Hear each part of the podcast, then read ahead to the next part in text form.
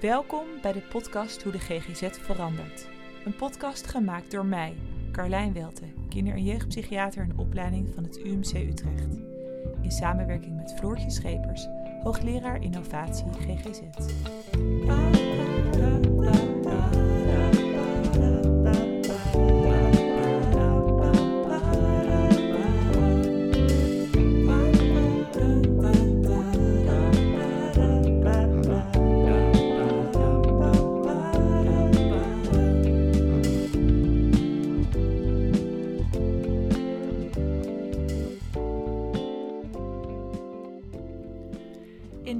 Aflevering spreken we over veranderen van de manier waarop we wetenschap beoefenen.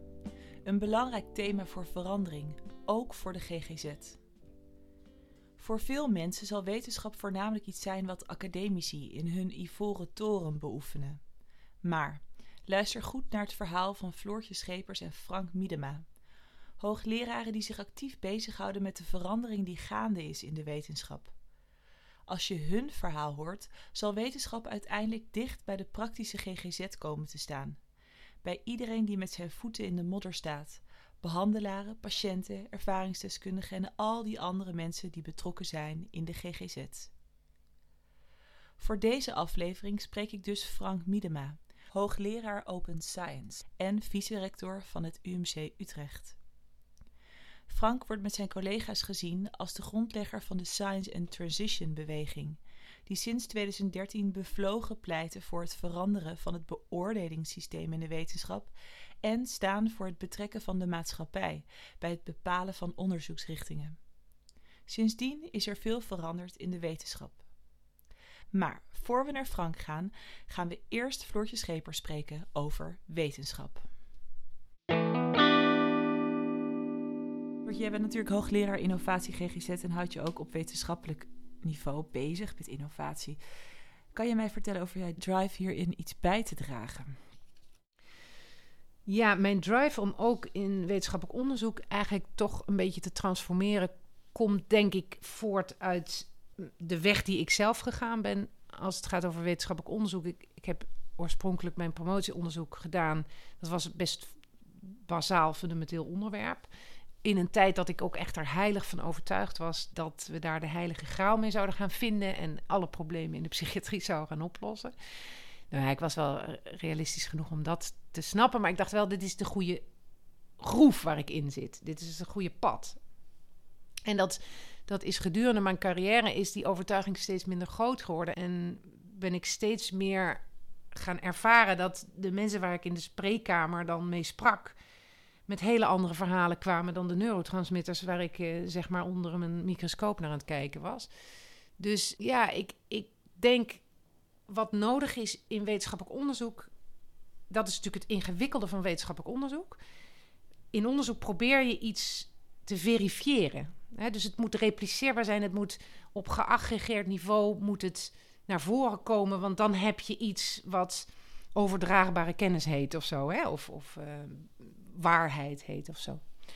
En juist in dat wetenschappelijk onderzoek onzekerheid toelaten, subjectiviteit toelaten, onmeetbaarheid toelaten als essentiële onderdelen van psychische ontregeling is super moeilijk. Want wat moet je daarmee als wetenschapper? Wat kun je er überhaupt mee? Nou ja, dus dan denk ik aan onderzoekers zoals Danny Borsboom of, of uh, anderen die veel meer vanuit complexiteit denken. Het is ook een hele stroming binnen de universiteit, complexity science, die uitgaat niet van lineaire causale verbanden. Je hebt defect A en dan krijg je symptoom B en dat heet C. En daar geven we dan behandeling D voor. Maar dat gaat veel meer uit van op moment A bij persoon B in context C krijg je uitkomst D en al die factoren kunnen veranderen en dan krijg je ook weer een hele andere uitkomst. Dus er is een veel ingewikkelder interactiepatroon tussen factoren en een deel daarvan zul je nooit kunnen meten, is interactie zelf. En zeker bij mentale ontregeling is dat een cruciaal onderdeel van de ontregeling, die interactie.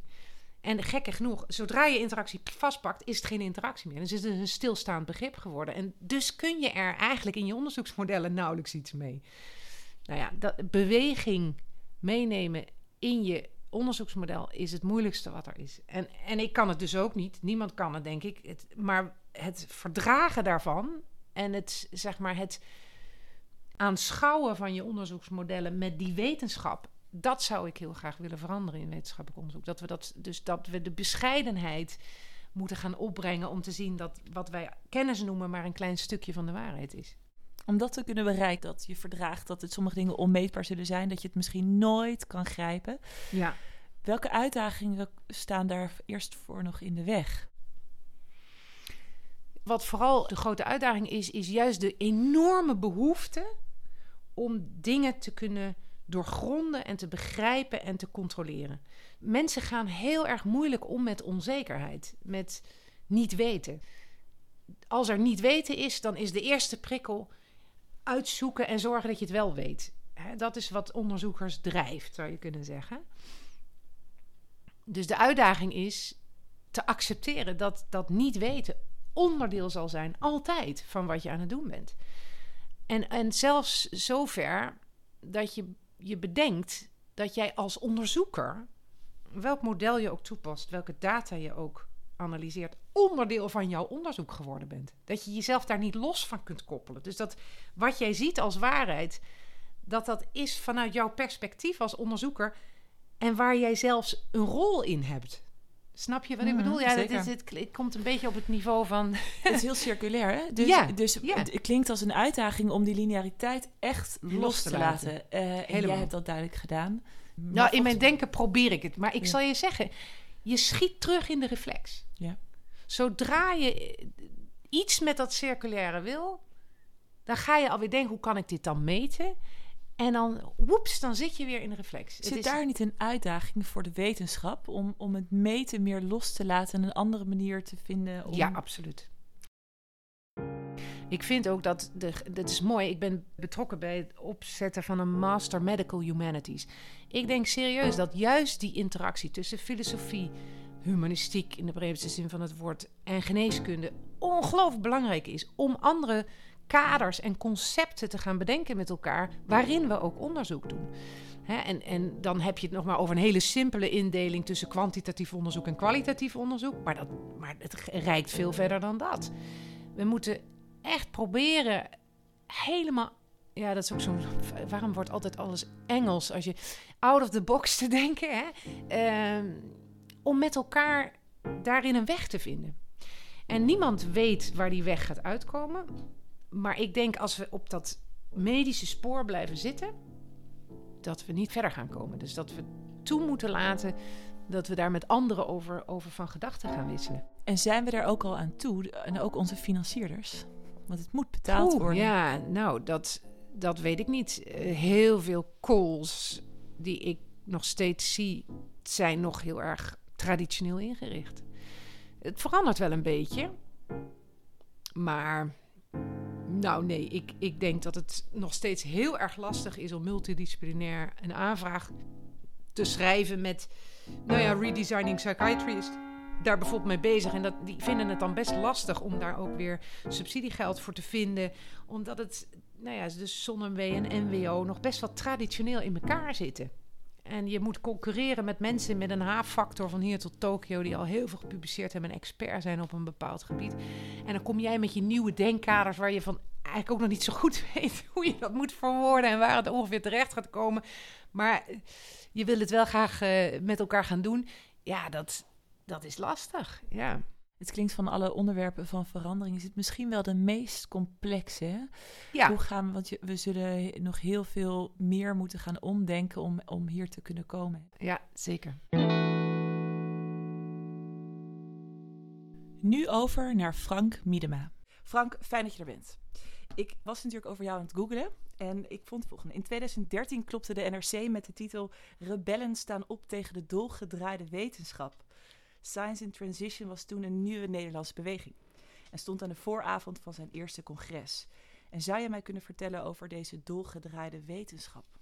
Ja, dat is een prachtig citaat natuurlijk dat je het gevonden hebt. En ik hoop dat het ook heel lang blij, vindbaar blijft voor iedereen. Want het was wel ook achteraf gezien voor ons ook wel een uh, memorabele dag. Wij hadden toen een paar dagen daarna een congres in de KNW, het Trippenhuis in Amsterdam. Dus dat is de, zeg maar het heilige de heilige van de wetenschap, zou je kunnen zeggen. Dit gaat een beetje snel. De KNAW staat voor de Koninklijke Nederlandse Academie van de Wetenschappen. En wij hadden een jaar daarvoor, ongeveer negen maanden daarvoor, hadden we met een groep mensen, wisselend van soms vier, soms twintig, hadden wij een aantal thema's bediscussieerd. Want het waren allemaal mensen die, die zeiden, ja, het gaat niet goed in de wetenschap. Uh, en het ging bijvoorbeeld over, we, we publiceerden heel veel, uh, maar het wordt weinig niet, maar niet meer gelezen. Een bepaald type publicaties heeft de overhand. Iedereen stuurt op dat soort publicaties. Uh, een heleboel onderwerpen zijn eigenlijk gewoon, ja, die hebben het moeilijk. Die, die lijden onder dat idee van dat het niet echt de wetenschap is, dat het niet ja, chic is enzovoort. Maar er was ook bijvoorbeeld een discussie van onderwijs, uh, komt helemaal niet meer voor. Als je on onderwijscarrière, daar wordt op neergekeken. En wat ook heel belangrijk was, is dat wij tot de conclusie kwamen dat wetenschap een in zichzelf verkeerd systeem was geworden. Met een eigen systeem om ja, te kunnen scoren, hè, eigenlijk. Uh, komt jou als hockey natuurlijk heel bekend voor. Uh, de ogen naar buiten, kijken wat er in de samenleving gebeurt. En bijvoorbeeld het vraag stellen van, doen wij nou echt die dingen die in de samenleving belangrijk zijn? Ja, dat was niet meer zoals het ging. En ik moet zeggen, ik was dus toen op dat moment uh, vier jaar bijna decaan van een groot UMC in Utrecht. En zelfs in een UMC zag je dit gebeuren. Je zag dat mensen zich concentreerden op een bepaald type onderzoek waarmee je carrière kon maken. Uh, terwijl ander onderzoek, bijvoorbeeld uh, volksgezondheid of preventie, uh, of bijvoorbeeld voeding of nou ja, bewegingswetenschappen, revalidatie, gaan we straks nog over hebben. Revalidatiegeneeskunde, ja, dat moest ook wel gebeuren, maar dat, dat, dat was niet goed voor je cv. Daar kon je niet mee in de toptijdschriften komen. En dat allemaal bij elkaar. Dus het was een combinatie van drie of vier dingen.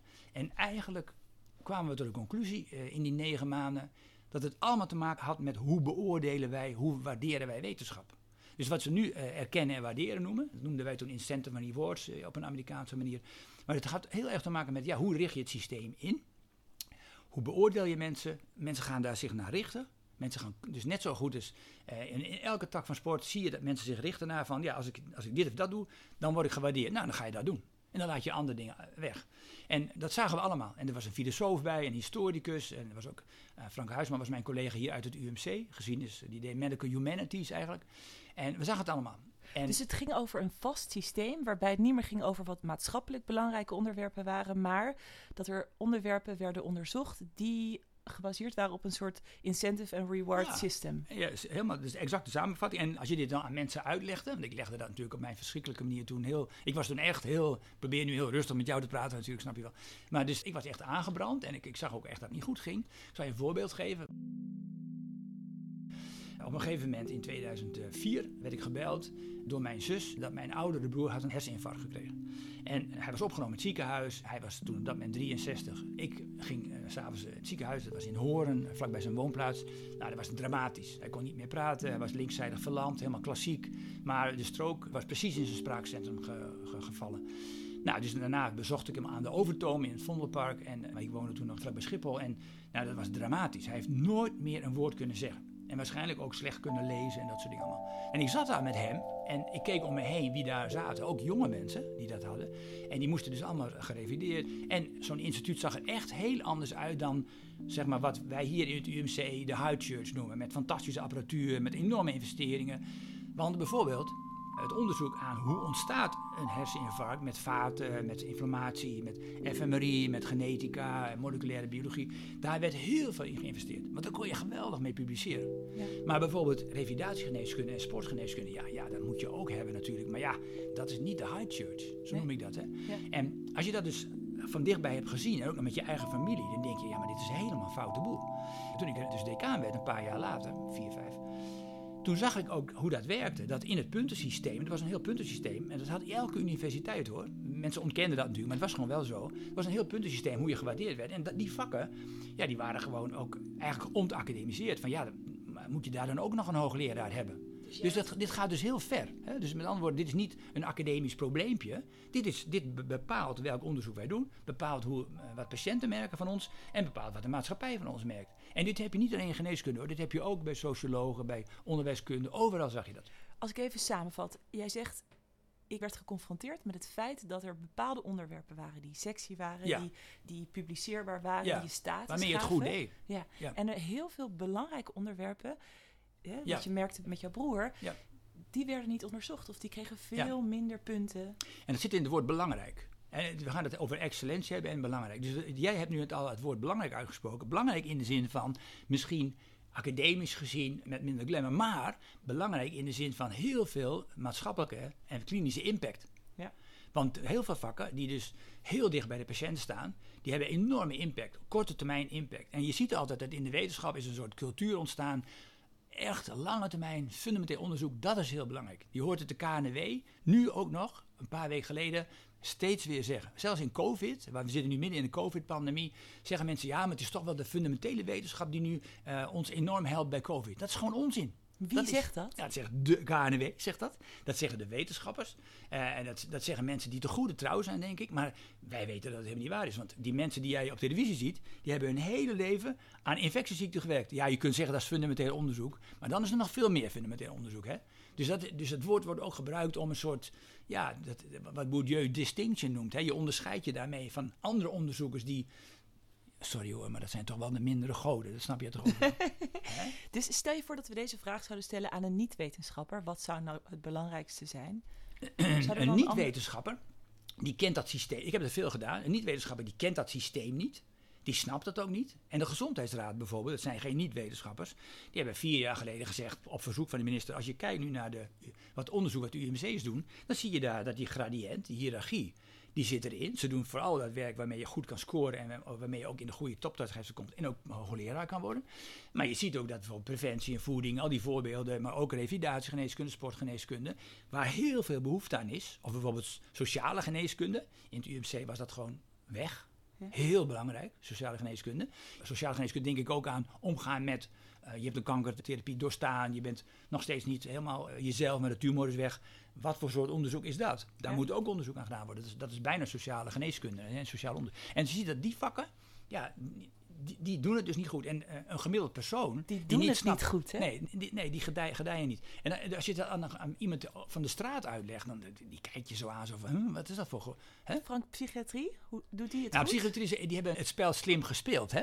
Bij de psychiatrie hebben mensen mij wel eens uitgelegd. Ja, die zijn ontsnapt aan dat dal, aan die mindere goden discussie. Want die zijn zich op de moleculaire biologie en op de fMRI, dat zijn de, de keiharde machines, die zijn dus eigenlijk het spel van de beta's gaan spelen. En die hebben gezegd, nou weet je wat, uh, wij denken eigenlijk dat gedragstherapie en dat soort dingen, dat helpt allemaal niet. Wij moeten snappen dat bij psychiatrie, bij een depressie, bij een psychose, bij schizofrenie, dat is waarschijnlijk één of twee moleculen die doen het niet goed. En die gaan we opsporen, daar gaan we naar kijken. Daar hebben we nu fantastische technologie voor sinds de 20 jaar, sinds uh, 1980. En op die manier konden ze ook meedoen met het spel van de kankeronderzoekers. Die natuurlijk helemaal moleculair zijn gaan werken. En de aandacht helemaal verlegd hebben naar ja, hoe ontstaat kanker. Want dat is het enige wat belangrijk is om te snappen. Hey, dus He? we hebben het over belangrijke tussen haar. Ja, maar wat is, mij wat nu is belangrijk zeggen? Ja, belangrijke onderwerpen, minder belangrijke onderwerpen die minder scoren in het wetenschappelijke domein. Wat waren nog meer kenmerken van die dolgedraaide wetenschap? Ook in de psychiatrie. Ja, nu kom je bij de vraag van wat denken andere mensen hiervan. Dus de vraag is, die je dan stelt is, maar wie bepaalt eigenlijk onze agenda? En als de agenda bepaald wordt door dat soort scoringsmechanismes, erkennen en waarderen, incentive rewards, dan zie je dus dat een nadeel. Dus toen zeiden we ook, ja, als je dat dus in de gaten hebt, moet je iets aan het beoordelingssysteem doen. Maar je moet je ook realiseren dat het systeem opengezet moet worden en dat je met patiënten moet praten. Bij ons zou je denken, dat gebeurt toch al lang? Nou, in 2013, dat kon nog veel, veel beter hoor. En de nieuwe strategie heb ik gisteren thuisgestuurd gekregen van het UMC. Daar zie je nu voor en samen met de patiënt. En zelfs door de patiënt. Dus nu eh, gaan mensen dat helemaal zich realiseren. We moeten veel dichter tegen de, de mensen die het probleem hebben aankruipen. We moeten hun snappen, we moeten luisteren. En samen met hun onderzoek doen. Wij zijn de onderzoekers. Zij blijven de patiënt of de stakeholder. Maar we kunnen wel heel veel samen doen. Dus en dat, uit die ivoren toren. ja, gewoon. Zelfs een ziekenhuis. Een ziekenhuis is natuurlijk helemaal geen ivoren toren. Maar zelfs daar was het zo dat artsen dachten... ja, wij, wij weten het beste wat goed is. Dus er waren ook in die tijd... de reactie op, onze, ons initiatief was ook dat sommige mensen zeiden van... ja, we gaan toch niet eh, Gert en Hermien eh, op de Veluwe laten bepalen... welk onderzoek wij gaan doen. En eigenlijk zei ik, nou... eh, je- ja, je kunt het zo framen, maar het, gaat er wel om dat wij kijken mensen in de ogen die een acute leukemie hebben overleefd, ti- honderd dagen in het ziekenhuis hebben gelegen, beenmergtransplantatie hebben gehad, enorme therapie hebben doorstaan om, om die beenmergtransplantatie mogelijk te maken. En die, dan is de tumor weg, maar die mensen die, die hebben een heleboel andere vragen, ja, waar wij niet mee, mee in, in toptijdschrift komen, maar die voor hun heel belangrijk zijn en die moeten ze ons gewoon vertellen. Ja, En, en dan moet je en die open, dat openmaken van, oh, dat is weer open science. Dus het is openmaken ook aan de voorkant van hoe, hoe, hoe bepalen we onze agenda. En dat is nu ook door veel mensen wel geaccepteerd. Maar de, de klassieke wetenschap was daar bang voor. ja. Want ja, er zit ook, zit ook een kant aan die ook eng is. Hè? Want ja, eh, kan iedereen zich dan maar met ons gaan bemoeien? Nee, dat is natuurlijk een debat. En je moet eerlijk met elkaar de discussie aan. En als mensen dus daar fout in zitten, moet je daar ook eerlijk van zeggen, doen we niet. Je maakt nu al best wel snel het bruggetje Ja. naar, naar hoe Ja, maar dat was jouw vraag, hè? Jouw vraag Ja, was, wat had het nog meer met elkaar te maken? Ja, absoluut. Je- het is ook een mooi antwoord wat je geeft. En, en daarin zit meteen verwerkt dat het al aan het veranderen is. Eh, ja, maar we zijn nu 2020, hè? Dus, dus dit was 2013. En, en toen waren de reacties nog vrij vers. Hè? Zo van ja, wetenschap, dat moet je gewoon. eh, dat, staat, dat moet los van de maatschappij. Die hebben hun eigen verantwoordelijkheid. En dan moeten andere mensen maar bepalen wat ermee gebeurt. En dat was ook het verschil tussen basic science en klinisch onderzoek. Hè? Wat voor jou eh, natuurlijk helemaal precies spot on is. Dus basic science was prekliniek. En mensen zeiden ja, wij doen dat. Dat is heel moeilijk en ingewikkeld. En daar moet je echt goed voor opgeleid zijn. En het is een ander soort onderzoeker. Allemaal waar. En op een gegeven moment dragen die dan hun, wat zij vinden, dragen ze wel over aan mensen die toegepast onderzoek doen. Dat was toch wel een beetje een ander soort onderzoeker, hè? Je ziet mij nu kijken. En eh, wij hebben toen gezegd, nee, dat is, is, dat, dat, dat, het blijkt dat dat niet goed werkt, want die kloof die bestaat. En als je juist samen al begint in één context, zoals het heet, in één frame, bijvoorbeeld neem kankeronderzoek, je brengt de mensen die fundamenteel onderzoek doen, samen met de mensen die meer toegepast onderzoek doen, die patiënten zien. En Je, je brengt zelfs de patiënten in die, in die context, die, laten die mensen met elkaar praten gedurende het jaar, niet eens in de vier jaar, maar gewoon, dat is een normaal, dat is de community geworden, zeg maar. En als je dat doet met z'n allen, ja, dan, eh, dan zie je een hele andere dynamiek ontstaan. En dan worden mensen op ideeën gebracht. Ik zal je zo een voorbeeld geven. Worden mensen op ideeën gebracht om onderzoek te doen, wat ze eigenlijk in het laboratorium niet zo 1, 2, 3 hadden bedacht. Dus En- het, het wekt creativiteit als je multidisciplinair gaat zitten. Natuurlijk, als jij met patiënten, als je in de psychiatrie met patiënten en met ervaringsdeskundigen zit te praten, die brengen hele andere dingen. Ik zal je een voorbeeld geven. Ik deed HIV en AIDS onderzoek, waar ik erg van geschrokken was. Eh, wij deden fantastisch onderzoek, vonden wij zelf. Ik was toen nog jong, dus ik heb alle excuses nu alweer genoemd. En wij gaven presentaties in de Rode Hoed. Zeg maar 150 homoseksuele mannen, soms met hun buddies. En als je toen in die tijd, 1992, geïnfecteerd was, ging je echt gewoon dood. Er was geen therapie. Er was niks. Helemaal niks. Moet je je voorstellen. En HIV is echt veel dodelijker dan COVID. Hè? Dus iedereen gaat dood aan HIV. Echt. No, no, no matter what. Dus, en wij keken mensen aan en wij hielden verhalen over. Wij hadden zo'n cohort in Amsterdam. Eh 2000 mensen volgden wij in de tijd. Elke drie maanden gaven ze bloed. Eh, ze vulden hun questionnaires in en dat soort dingen. En wij deden er onderzoek mee. En eh, wij waren in die tijd heel succesvol. We hadden hele goede publicaties.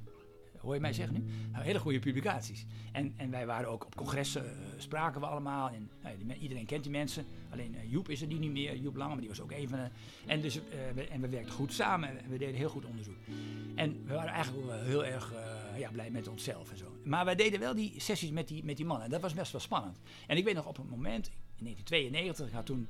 eh, ik vertelde eh, over een, eh, een paper in Science die we hadden gehad over T-cellen en apoptosis en hoe HIV, het, virus, je, je immuunsysteem kapot maakte. Heel mooi, was ik heel super blij mee. Erg belangrijk voor mijn, mijn benoeming bij het AMC later natuurlijk, een paar jaar later. En ik, ik vertelde dat heel gloedvol, nog veel sneller dan ik nu met jou praat. En ik weet wel, ik keek die zaal in. Ik dacht na de vier minuten al, dit gaat helemaal fout. Want dit, dit- ja, dat sloeg helemaal niet aan. En dus ik, was, ik had gelukkig maar ongeveer 13 minuten de tijd gekregen of zo. En toen, ik was klaar en toen ging iemand aan de microfoon. En dus die, jo- die jongen zegt, nou ja, ik vind het eh, hartstikke goed verhaal. Eh, Ook, je doet het ook heel schattig. eh, eh, maar, maar zegt hij op zijn Amsterdams, ik heb er gewoon geen reet van begrepen. Maar zegt hij, ik heb een hele andere vraag voor jou. Hij zegt, als ik, ik ben seropositief, geïnf- geïnfecteerd en mijn vriend ook, moeten wij nou condooms gebruiken als we seks hebben? Nou, ik keek ongeveer zoals jij mij nu aankijkt. Ik keek die zaal in en op dat moment, ja, dan ben je gewoon lost. Totally lost. Je denkt, ja, dat komt bij jou niet op, dat, dat is niet de vraag, die komt niet uit het lab, maar je snapt onmiddellijk, super belangrijke vraag. Voor elke dag. Super belangrijke vraag voor die mensen en voor iedereen. En eh come on, weet je. Dus, dus op dat moment, ja, versteen je bijna. En zeg je, ja, ja nee, dat, dat, dat. Maar ik snap wel dat het een goede vraag is. Weet je wat mooi is? En ik las dat toevallig gisteren nog weer terug in het kader van een boek. Even ik, stop. Maar wat een, mooi, wat een mooie anekdote, hè? Hoe, hoe illustratief voor hoe het was en waar we naartoe moeten, hè? nou, dit, is voor mij, dit was voor mij een, een punt in de tijd dat ik me ging realiseren van, dit is het dus, hier gaat het over. Dus, maar moet je, zou je zeggen, dus, eh, en- maar ik verpakte het toch nog wel weer in het. eh, ik, had er een, eh, ik heb er een, een, een blog over geschreven een paar jaar geleden. En dan verpakte ik het toch weer als van. Ik kon die vraag van die man wel vertalen weer in een hele goede paper. Dus ik bleef wel in mijn eigen paradigma nog even hangen, zeg maar. Frank vertelt dat de tijd in 2013 rijp was voor actie om de wetenschap te veranderen. Met Science in Transition kregen ze veel bijval, ook door het ministerie. Er volgde een golf van debat. Er was erkenning en bewustzijn voor het statement dat het systeem van wetenschap moest veranderen. En wat er nu gebeurt in het gesprek, Frank, de, de kracht van het dominante verhaal over de wetenschap komt ook nu weer op tafel. Hè? Ja, Dus ja. het is zo heftig wat het systeem doet Ja, op de wetenschap. Ik probeer het nog een derde keer. Frank, wat is er sindsdien in de wetenschap veranderd? Het sloeg heel erg om, zeg maar, na 2016. Toen was het opeens het debat geworden. En dat had ook te maken met iets wat ik wel even wil noemen. En dat was eigenlijk, toen was onze Science Decision verhaal was wel een beetje geland. En toen was er een hele grote beweging en dat was Open Science. En in Open Science was eigenlijk wat ik je net vertelde. Dat betekent, je deelt je resultaten, maar je doet ook samen onderzoek met de mensen die het probleem hebben. Dat kan een patiënt zijn, het kan iemand die voor de klas staan zijn, het kan een kinderpsychiater zijn, iedereen. Hè. Je doet samen, dus je co-creëert gewoon nieuwe kennis. En wat Open Science ook heel erg heeft, is maak je agenda aan de voorkant open. Dus zorg ook dat je dat onderzoek doet wat er echt toe doet. Dus wij zijn ook eigenlijk toen geland in een Open Science beweging en die kwam heel erg uit Europa. Hebben we wel aan meegedaan. Ik heb er zelf ook mijn steentje aan bijgedragen, maar ook andere mensen nog veel meer. En we zijn eigenlijk in die hele Open Science beweging, en die is toen ook overgenomen door de Nederlandse overheid. En het kabinet toen daarna, die hebben ook helemaal Open Science als thema meegenomen. Van we gaan nu echt de wetenschap openmaken. Wat ook in Europa nu nog steeds een heel groot thema is, ook voor de komende jaren. En je ziet nu dat ook binnen de koepel van universiteiten mensen zi- zich gaan, zich gaan realiseren... wij moeten naar dat beoordelingssysteem kijken. Daar zijn, hebben mensen ook besluiten over genomen. Je hebt een actiegroep in Amerika, die heet DORA. Dat is de San Francisco Declaration on Assessment. Dat zijn mensen die hebben gezegd... we moeten ophouden met naar die publicaties kijken, we moeten ze lezen... en we moeten op een eerlijke manier beoordelen. En iedereen, heel veel mensen, heel veel instituten, ook in Nederland... hebben dat nu getekend, dat ze daarin meedoen. Dus je ziet... eh, Ja, er waren heel veel verschillende initiatieven en die landen nu eigenlijk allemaal in open science. En dat is het grote thema waar we nu met z'n allen aan werken. Ja, dus er ontstond steeds meer awareness, maar niet alleen awareness. Het ging ook verder. Mensen Actie. zeiden echt wat. Precies. Actie. Ja. Mooi. Ja, ja, En ik, ik las ook beleidsstukken waar jullie in meeschrijven hè, met het ministerie. ja. Waarbij open science een essentieel onderdeel is van hoe het gaat veranderen. Ik las over dat universitair centra's, UMC's, die gaan regionale functies Ja. bedienen. Hoe gaan mogelijk, zij? Ja, wat prachtig. Ja. Ik kan me voorstellen dat je trots bent. Ja, hij moet voorzichtig zijn. hè. Dit komt niet alleen naar ons. Hè. Er waren heel veel mensen die dit aan het doen waren. En wij hebben gewoon op die knop gedrukt. En toen is het allemaal gewoon, eh, ja, toen barstte de, de olie zeg maar uit die put. Kan je vertellen wat zijn de laatste ontwikkelingen in het onderzoek, het medisch wetenschappelijk onderzoek? We gaan even terug naar excellentie. Dat helpt. Dus ik denk dat mensen zich nu realiseren dat excellentie een breed begrip is. En dat excellentie niet voorbehouden is aan mensen die heel fundamenteel, heel kwantitatief, heel erg moleculair in ons geval, heel erg exact. En dat is een bepaalde vorm van excellentie. Maar je hebt ook excellentie in de filosofie, in de, in de sociologie, in de psychologie. En, die hoeven zich niet te, te verringen, zodat ze eigenlijk lijken op de natuurkunde, maar die kunnen gewoon zichzelf zijn. Dat is niet in het belangrijk. model te, Nee, te fit. Die kunnen gewoon zeggen, ja, maar dit is zoals wij onderzoek doen. Wij redeneren en wij komen daarmee tot hele fantastische inzichten die in de maatschappij enorme impact hebben. Dus dat is belangrijk. Dus het is ook een soort emancipatie tussen de natuurwetenschappen en de andere kant van de universiteit. Ik ben natuurlijk tien jaar decaan geweest en ik zag dat. En ze gaven mij terecht altijd de schuld dat ik daaraan bijdroeg. Dus dit is nu een emancipatie waarbij je ook zegt, ook in de psychiatrie, bijvoorbeeld van jouw vak, Hmm. dat niet alleen maar de harde psychiatrie, de moleculaire kant en de, de geneesmiddelen, maar ook weer kijken naar je familie, je omstandigheden, meer het, zeg maar het, het holistische aspect, dat dat weer terugkomt. En we gaan niet terug naar de 60 jaren, we gaan niet terug naar Jan Voudrenne en eh, wie is van Hout, dat kennen je ouders nog wel. Eh, dat gaan we niet doen. Maar we weten wel, ergens in het midden, we moeten en kijken naar eh, geneesmiddelen, maar we moeten ook kijken naar gedrag en hoe gaan we dat met z'n allen doen. En die mensen moeten elkaar respecteren. Het gaat ook heel erg over respect hè, in dit geval. Respecteren wij elkaars excellenties. Ja. Zodat we goed kunnen samenwerken. Want in een team, jij bent de hockeyer geweest, dat weet ik. Als je in een team, als de voorhoedespeler te weinig respect heeft voor de achterspeler, dan gaat het niet goed. Nee. Dan gaat het niet goed. Nee. En dat is waar je als team aan werkt. Hè? Het Voor gaat en dus na over, ja, wat ik heel erg herken. Ja. Ik was spits, ik was die spits, Ja. maar ik was heel blij met mijn verdedigend eh, Ja. teamgenootje, die de dingen kon die ik niet kon. Dus jij zegt, we gaan eigenlijk naar die cultuur. Dat is de team gaan- science, hè? Ja. Ja, en dat, dat kan ik als sporter natuurlijk alleen maar nou, ik ben volleyballer geweest en wij mochten de bal niet eens vast. Ja, ja, bij hockey kon je nog de bal stilleggen om je heen dat- kijken. We moeten echt een keer samen een potje hockeyen. Want Maar het, bij hockey, bij. En zo gaan we nu ook in het nieuwe systeem, waar de KNW en NWO en iedereen aan meedoet, gaan we ook heel erg, als je onderzoek beoordeelt, kijken naar Wat was het team van plan? Wat was hun doel? Uh, wat hebben ze daarvoor gedaan? Hebben ze een goede samenstelling? Hebben ze een goede uh, academic culture? Kunnen ze goed met elkaar opschieten? Hè? Uh, ik kijk altijd naar Caldas, hè, die dan tegen die, die toppertjes zei van... of je bent weg of je gaat teamspeler worden. Want we kunnen zonder jou met een, met een beter team misschien verder komen... dan met jouw fantastische trucje wat jij dan kent. Je kent het wel. Hm. Ik denk dat dat nu ook in de wetenschap gaat gebeuren. En weet je, ik zei je wat vertellen. Hè? Als je met mensen uit de industrie praat, die zeggen... ja, maar wat denk je hoe wij het doen? Nee, hoe denk je dat Philips wetenschappelijk onderzoek doet? Denk je dat het allemaal individuen zijn die allemaal uh, met hun eigen H-index en met hun eigen papers bezig zijn? Rot op, natuurlijk niet. Dus Frank, het gaat nu naar de kracht van duurzame teams, wordt nu erkend. En dat ja. gaat belangrijk ja, worden. Zijn we daar laat mee? Ja, ja. daar zijn we, daar zijn we laat mee. Ik sowieso moet ik je eerlijk vertellen dat ik me vaak heb verbaasd de afgelopen tijd dat ik in het ziekenhuis rondloop. Dat het zo anders gaat, op veel domeinen zo achterloopt ten opzichte van sport. Je bent niet de enige. Nee. Je bent niet de enige. Wat je je moet afvragen, waarom is het zo moeilijk om te veranderen? Omdat wij van die vastgeroeste ideeën hebben over wat wetenschap is, wat topwetenschap is, wat excellentie is, hoe we daarmee omgaan. Dat wetenschap eigenlijk zich niet moet laten beïnvloeden van buiten, want dat is eng. Is natuurlijk ook eng, hè? In de Tweede Wereldoorlog, in China gebeuren dingen waarvan je denkt, daar is de, het openmaken van wetenschap misschien wel echt eng, maar niet in, in een open democratie waar wij leven, bij wijze van spreken. En dus er zijn vooroordelen en ideeën en, en, en mythes over wetenschap, en die houden ons tegen om te doen wat wij eigenlijk denken dat er moet gaan gebeuren. En die pakken we nu met z'n allen aan. En die zijn bespreekbaar. Uh, maar dat is taai, taaie materie. Het voelt alsof er nu ruimte gaat komen voor andere mensen, voor andere onderwerpen. Ja. Door... Weet, je, weet je, dat wij nu hier zitten, hè, dat wij dit gesprek nu voeren, hè, wat denk je dat dat 15 jaar geleden ik denk niet dat ik jou had kunnen bereiken om met mij hierover te zitten praten, om eerlijk 15 jaar geleden wel. Waarom niet? Nee, maar dit is wel interessant. Waarom niet? Nou ja, voor mijn gevoel, ik heb het idee dat, het, dat ik dan meer zou moeten hebben gedaan of meer zou moeten zijn geweest om dan met de grote Frank Miedema aan tafel te mogen zitten en überhaupt over een onderwerp als dit zou mogen praten.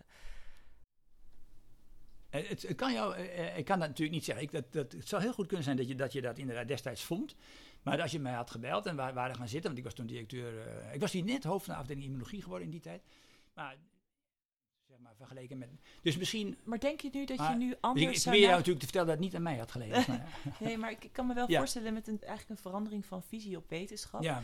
En wat, wat andere mensen ook zou kunnen brengen aan de topwetenschapper. Hè? Ja, ja. Uh, dat zou ik me kunnen voorstellen dat het op, nu voor jou misschien interessanter zou zijn om met mij aan tafel te zitten en te horen wat ik ervan zou vinden, dan, dan 15 jaar geleden. Want wie was ik ten opzichte van jou?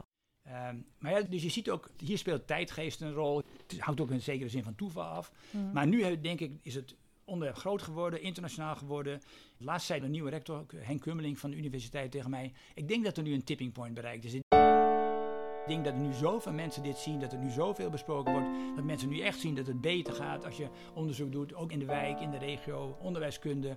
Denk aan de rol van instituties in de maatschappij, wat natuurlijk nu ook als je naar Trump kijkt, dan moet je je daar echt zorgen over maken, daar moeten we hard aan werken, democratie. En het heeft veel te maken dat mensen zeggen, we gaan niet meer artikelen tellen, we gaan nu echt gewoon goed onderzoek. En daar gaan we gewoon zelf over.